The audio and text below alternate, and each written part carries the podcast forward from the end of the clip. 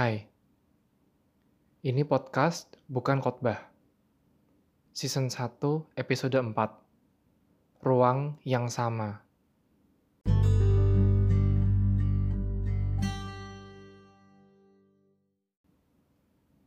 Bagi warga Brazil, sangat wajar jika anak-anak mereka punya mimpi untuk menjadi pemain bola profesional. Bisa dibilang, cita-cita mayoritas anak-anak di Brasil adalah untuk menjadi pemain bola profesional, yang jika mungkin bisa main di klub terkenal di Eropa atau membawa negara mereka masuk dan bahkan menang di Piala Dunia.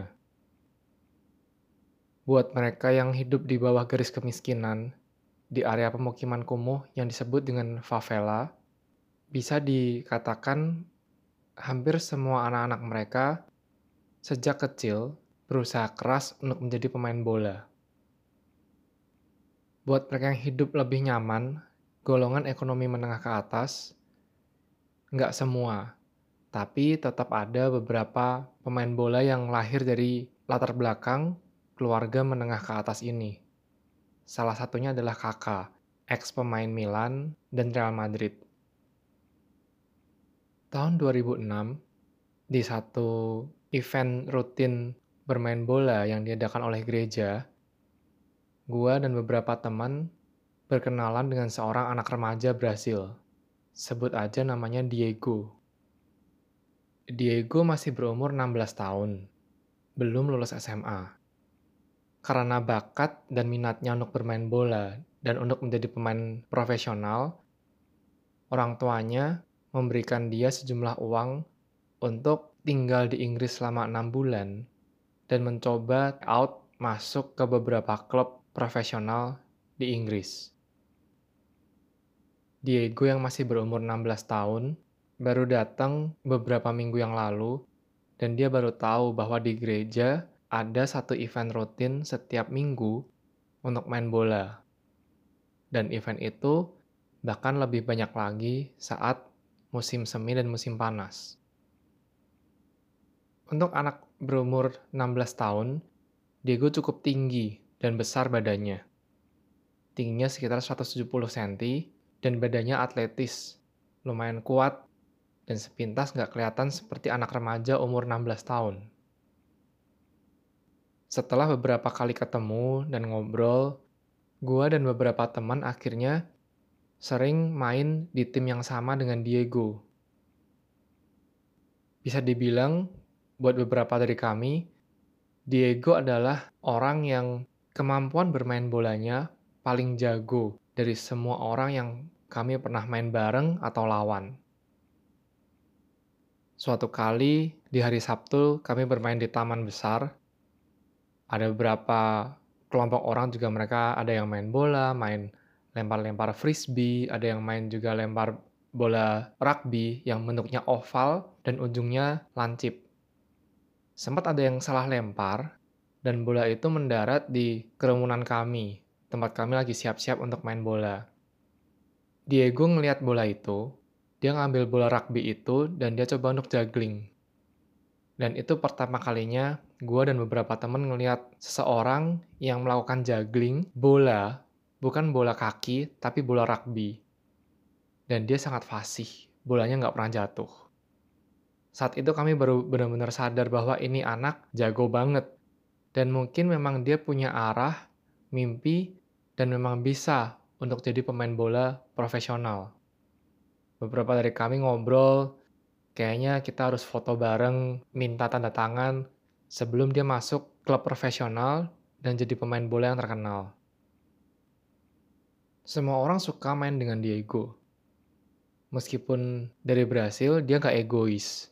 Dia main untuk tim, dia nggak segan-segan untuk ngatur orang-orang yang lebih tua dari dia, orang-orang yang mungkin dua kali umurnya dia, dan dia nggak pernah merasa dia lebih pintar atau merasa minder.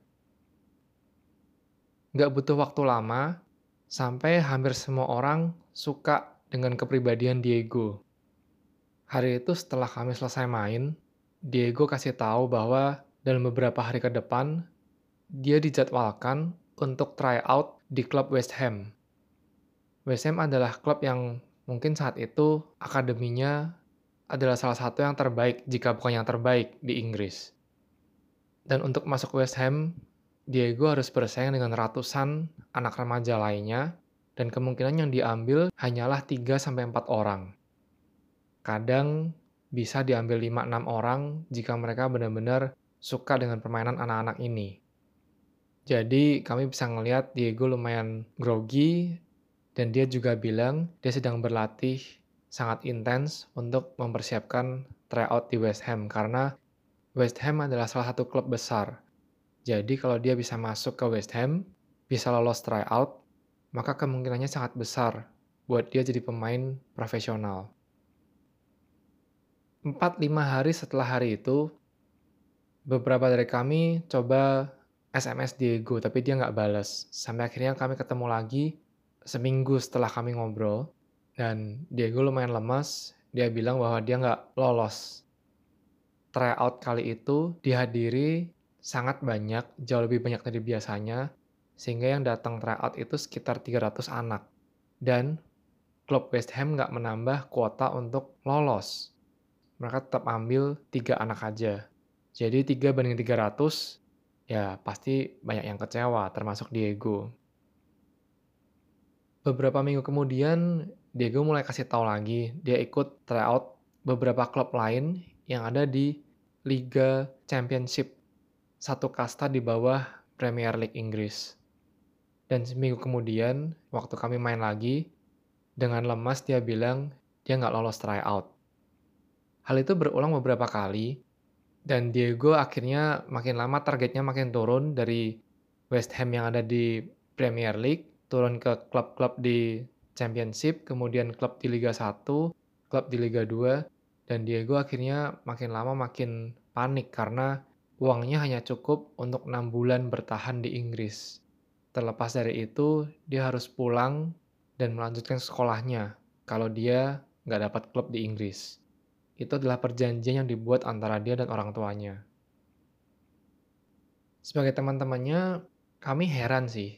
Kami nggak habis pikir gimana seorang Diego dengan semua keahliannya secara fisik, secara skill mengolah bola, secara mental juga bisa nggak diterima, bisa nggak lolos tryout, bahkan di klub-klub kasta bawah di klub Liga 2. Kami sempat bahas apakah semua klub yang menolak Diego itu dalam waktu beberapa tahun lagi, apakah mereka bakal menyesal pernah menolak Diego jika dia nanti benar-benar jadi pemain profesional yang terkenal.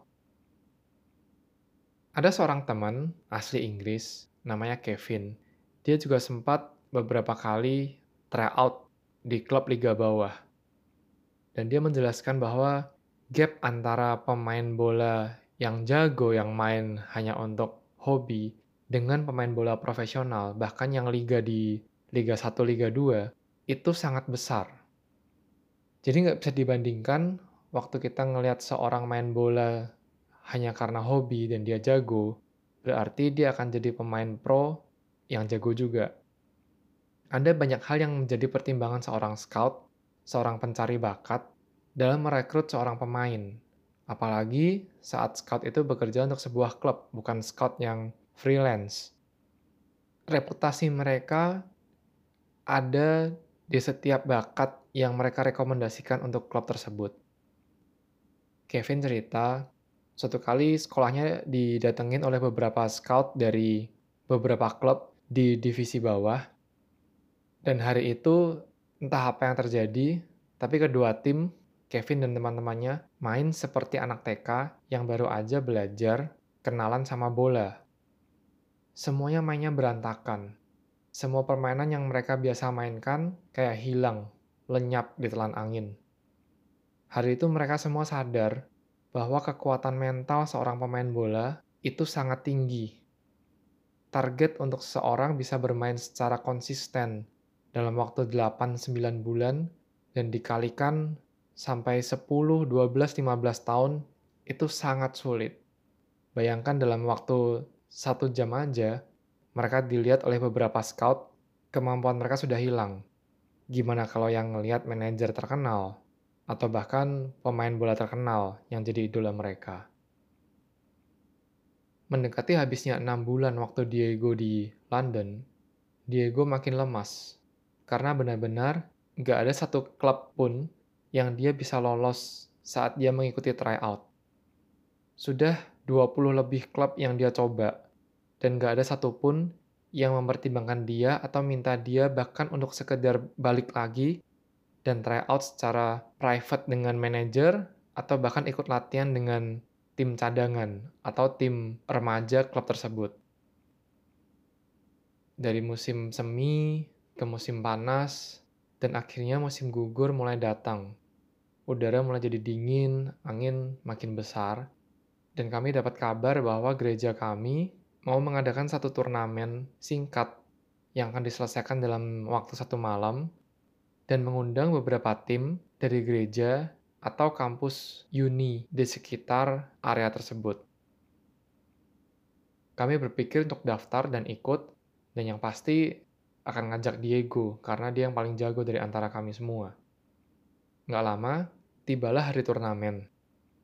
Sore itu, kami semua berkumpul kami yakin banget, ya seenggaknya lima besar masuklah, karena kami punya yang namanya Diego.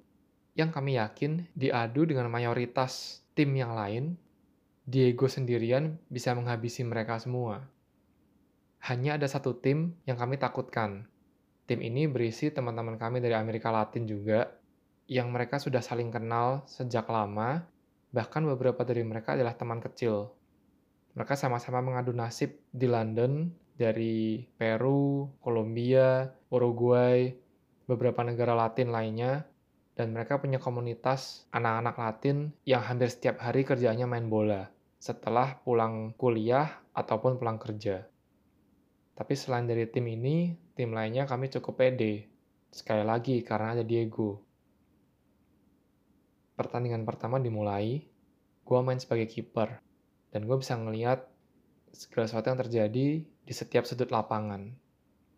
Hari itu, kami baru ngerti kenapa Diego nggak pernah lolos tryout. Semua kemampuan dia yang dia keluarkan di taman, di setiap kali kami main bareng, semua gocekannya, semua umpannya, semua tembakannya yang mumpuni, hilang di telan angin. Di satu turnamen yang nilai kompetisinya sangat rendah, kebanyakan dari kami kenal satu sama lain, hadiahnya juga nggak fantastis nilainya. Tekanan untuk tampil, pressure to perform, itu terlihat banget dalam diri Diego. Hampir semua passingnya salah, setiap kali dia giring bola, hilang sendiri, dan tembakannya semua meleset dari gawang. Diego yang biasanya paling jago dari antara kami semua, di turnamen tersebut, dia jadi seperti anak bawang. Dia seperti anak yang baru belajar pegang bola, dan semua keahlian fisik, skill, dan mental yang kami udah berbulan-bulan ngeliat nggak terlihat sama sekali. Saat tiba giliran buat kami untuk bermain lawan tim yang isinya adalah teman-teman kami dari Amerika Latin, Diego benar-benar dibuat nggak berkutik sama sekali. Bahkan terkesan Diego menjadi kartu mati yang diincar oleh lawan setiap kali dia pegang bola.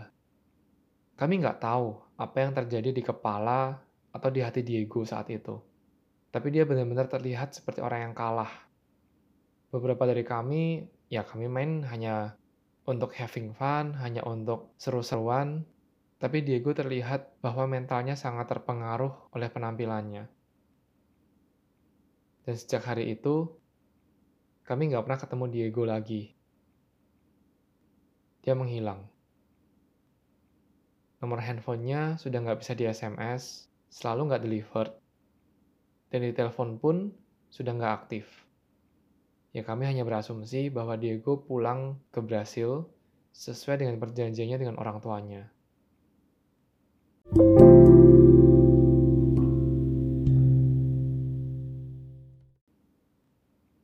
Pengalaman gue dari berkenalan, main bareng, Sampai akhirnya ada di turnamen dengan seorang Diego.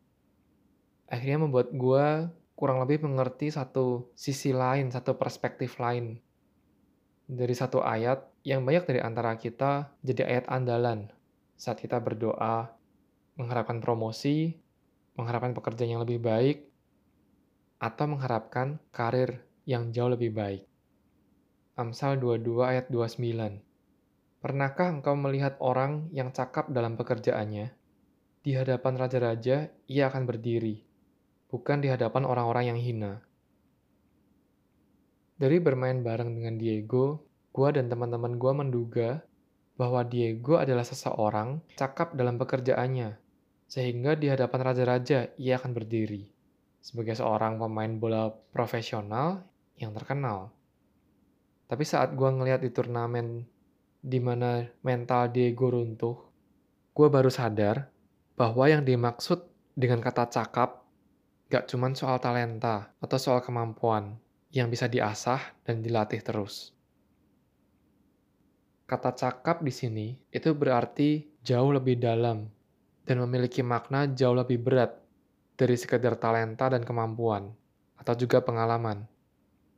Cerita Kevin tentang dia dan teman-temannya saat sekolahnya dikunjungi oleh beberapa scout dari klub bola, dan mereka mengalami yang namanya pressure to perform, tekanan untuk tampil, sehingga semua kemampuan bermain bola mereka seperti hilang di telan angin, yang juga terjadi pada Diego. Itu bisa dibilang bahwa mereka bukan orang yang cakap dalam pekerjaannya. Gue teringat, ada seorang mantan pemain bola yang sudah pensiun dia sempat menjelaskan, gue lupa kata-kata tepatnya, tapi kurang lebih begini.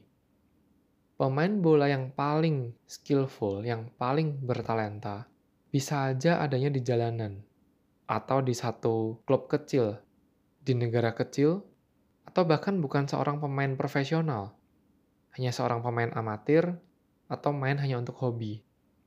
Karena untuk menjadi seorang pemain bola yang profesional, yang dibutuhkan bukan talenta dan skill saja, tapi juga kemampuan mental yang bisa membuat dia menampilkan talenta dan skill yang sama, baik itu di taman, di jalanan, ataupun di dalam satu stadion yang ditonton oleh 50 ribu orang. Kemampuan untuk menunjukkan, untuk menampilkan hal yang sama, terlepas dari ada tidaknya penonton, siapa yang menonton, itu yang membuat seorang pemain bola bisa menjadi profesional. Bukan talenta dan kemampuannya. Ini membuat gue merenung dan berpikir bahwa mungkin semua pemain bola profesional itu buat mereka nggak terlalu masalah. Mereka main di taman, mereka main di jalanan, di ruangan kecil, mungkin kejuaraan RT, RW, ataupun di stadion yang besar, karena bukan ruang itu yang jadi masalah buat mereka. Tapi mereka punya ruang sendiri, punya space yang mereka bawa setiap kali mereka main bola. Space ini, ruangan ini, mereka bawa ke taman saat mereka main dengan keluarga dan teman-temannya di taman. Ruang yang sama mereka bawa ke pantai saat mereka main dengan keluarga dan teman-temannya juga ruang yang sama juga mereka bawa ke klub tempat mereka bekerja dan ke stadion saat mereka harus main di liga, di kompetisi apa pun. Ruang yang sama yang meter buat mereka. Bukan stadionnya, bukan pantainya, bukan tamannya. Bahkan bukan yang jadi penonton, bukan yang jadi lawan. Tapi ruang yang sama yang mereka bawa ke mana-mana. Dan ruang yang sama ini yang membuat setiap kita dinilai oleh orang lain. Apakah kita orang yang cakap dalam pekerjaan kita atau bukan? Ruang yang sama yang membuat kita berdiri di hadapan orang-orang yang hina atau di hadapan raja-raja. Cerita Kevin saat dia dan teman-temannya grogi dan gak bisa mengeluarkan kemampuan mereka yang biasanya saat mereka ditonton oleh scout, membuktikan bahwa mereka gak punya ruang yang sama saat mereka main dan mereka menunjukkan mereka bisa main, dan saat mereka ditonton oleh scout. Yang terjadi malah sebaliknya. Para scout ini, para pencari bakat ini, membawa ruang yang sama, yang menjadi keahlian, yang menjadi talenta mereka, ke sekolah Kevin. Dan ruang yang sama ini yang membuat mereka berdiri di hadapan Kevin dan teman-temannya dan membuat mereka grogi. Ruang yang sama ini yang membuat para pencari bakat ini juga dihargai oleh klub tempat di mana mereka bekerja. Juga untuk seorang Diego, dia nggak punya ruang yang sama. Yang dia bawa saat dia main di taman dengan gue dan teman-teman, dan saat dia try out di klub bola. Ruang yang kita bawa ke mana-mana ini adalah satu kombinasi dari talenta, kemampuan, pengalaman, juga setiap kemampuan mental kita. Determinasi, persistensi, ketenangan, kreativitas, kemauan, pengaruh, komunikasi, apa pun itu. Ruang ini yang harusnya menjadi fokus kita dalam kehidupan ini. Banyak orang hanya fokus mengasah talenta, kemampuan mereka, tapi enggak atau kurang memperhatikan kemampuan mental mereka. Dalam dunia kerja, ruang yang sama yang membuat seseorang memberikan hasil yang baik saat dia masih menjadi seorang staf administrasi, seorang resepsionis, dan mendapat promosi sampai akhirnya menjadi manajer, atau bahkan sampai menjadi direktur. Jika dia punya ruang yang sama yang dia asah terus-menerus, maka mau itu perusahaan kecil, perusahaan menengah, atau perusahaan korporasi, ya, bagi dia akan sama aja outputnya. Baik. Di setiap keluarga, hal ini juga terjadi.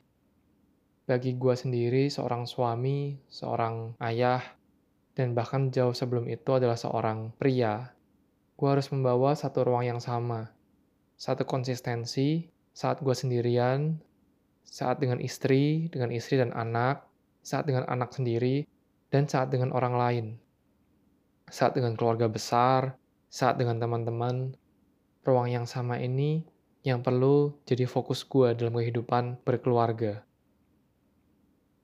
Sejak tahun lalu, banyak sekali pembahasan tentang kesehatan mental. Tapi lebih dari sekedar mental yang sehat, kita juga harus mentargetkan satu kondisi mental yang kuat. Dan mental yang sehat dan kuat itulah yang membuat kita punya ruang yang kita bisa bawa ke mana-mana dan membuat kita memberikan satu hasil terlepas dari pressure to perform, hasilnya akan tetap baik. Bukan hasil yang terbaik secara keseluruhan, tapi hasil yang terbaik yang kita bisa berikan. Ruang yang sama yang akhirnya membangun kredibilitas karena kita selalu konsisten di mana pun kita berada dan dengan siapa pun kita ada. Dan akhirnya kredibilitas ini akan menjadi satu fondasi yang kuat untuk orang lain melihat integritas kita. Talenta dan kemampuan hanyalah satu alat yang membuat orang lain melihat integritas kita, siapa kita sebenarnya. Kredibilitas itu yang membuat orang tahu apa yang mereka bisa harapkan dari kita, dan kita bisa berikan kepada mereka dari talenta dan kemampuan kita, terlepas di mana pun dan dengan siapa pun kita berada. Gua berharap di musim yang masih bergelut dengan pandemi ini, kita tetap fokus membangun ruang ini, sehingga kita bisa membawa ruang yang sama ke mana pun dan pada siapa pun. Dan pada akhirnya orang lain melihat kita sebagai orang yang cakap duluan sebelum mereka bertemu dengan pekerjaan kita. Dan ayat ini Pernahkah engkau melihat orang yang cakap dalam pekerjaannya? Di hadapan raja-raja, ia akan berdiri, bukan di hadapan orang-orang yang hina. Menjadi satu realita dalam kehidupan kita, bahwa kita menjadi orang yang cakap dalam pekerjaan kita, dan di hadapan raja-raja, kita akan berdiri. Ini podcast, bukan khotbah. Thank you and bye.